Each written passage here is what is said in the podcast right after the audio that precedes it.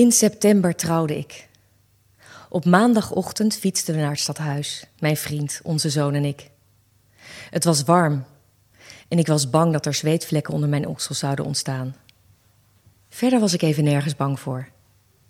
S'avonds dansten we in de woonkamer. Dat moest van onze zoon. Hij is drie. Het is ons avondritueel.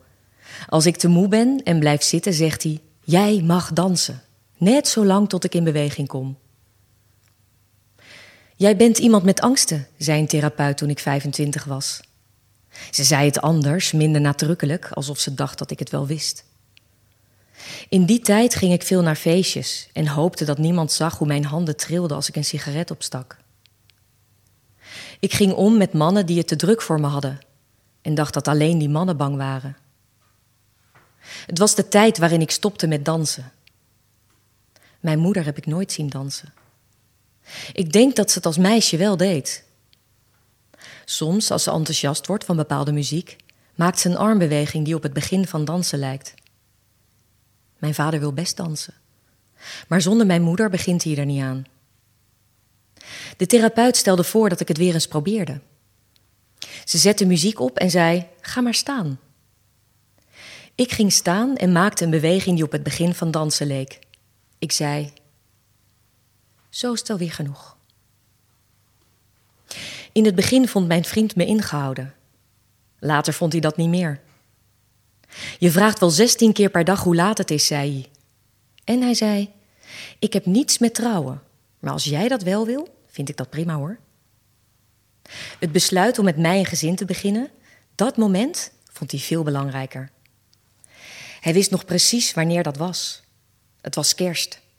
En hij zat aan de bar van een vol café. Een eindje verder stond ik op een stoel in de microfoon te schreeuwen.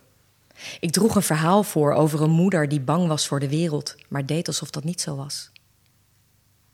Zodra ik klaar was, zou er buiten een muziekkapel gaan spelen. Het kon je niks schelen dat er mensen doorheen praten, zei hij. Ineens zag ik dat je onverschrokken bent.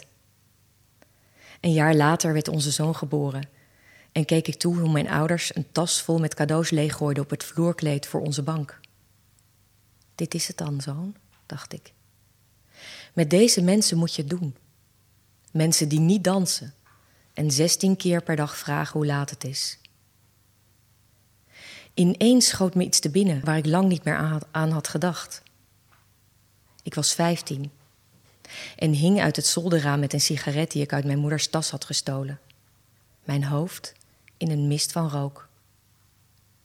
Ik ben mijn ouders niet, dacht ik.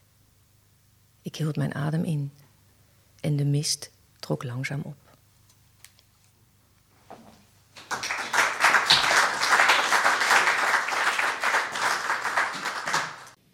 Dit was een opname van Jente Postuma's verhaal Het begin van dansen in de voorstelling van uitgelezen verhalen Literatuur ontmoet theater. De actrice Ingeborg Wiete las het voor. De voorstelling was op 11 mei 2018 in Theater Bouwkunde Deventer. Thema van de avond was De Moeder.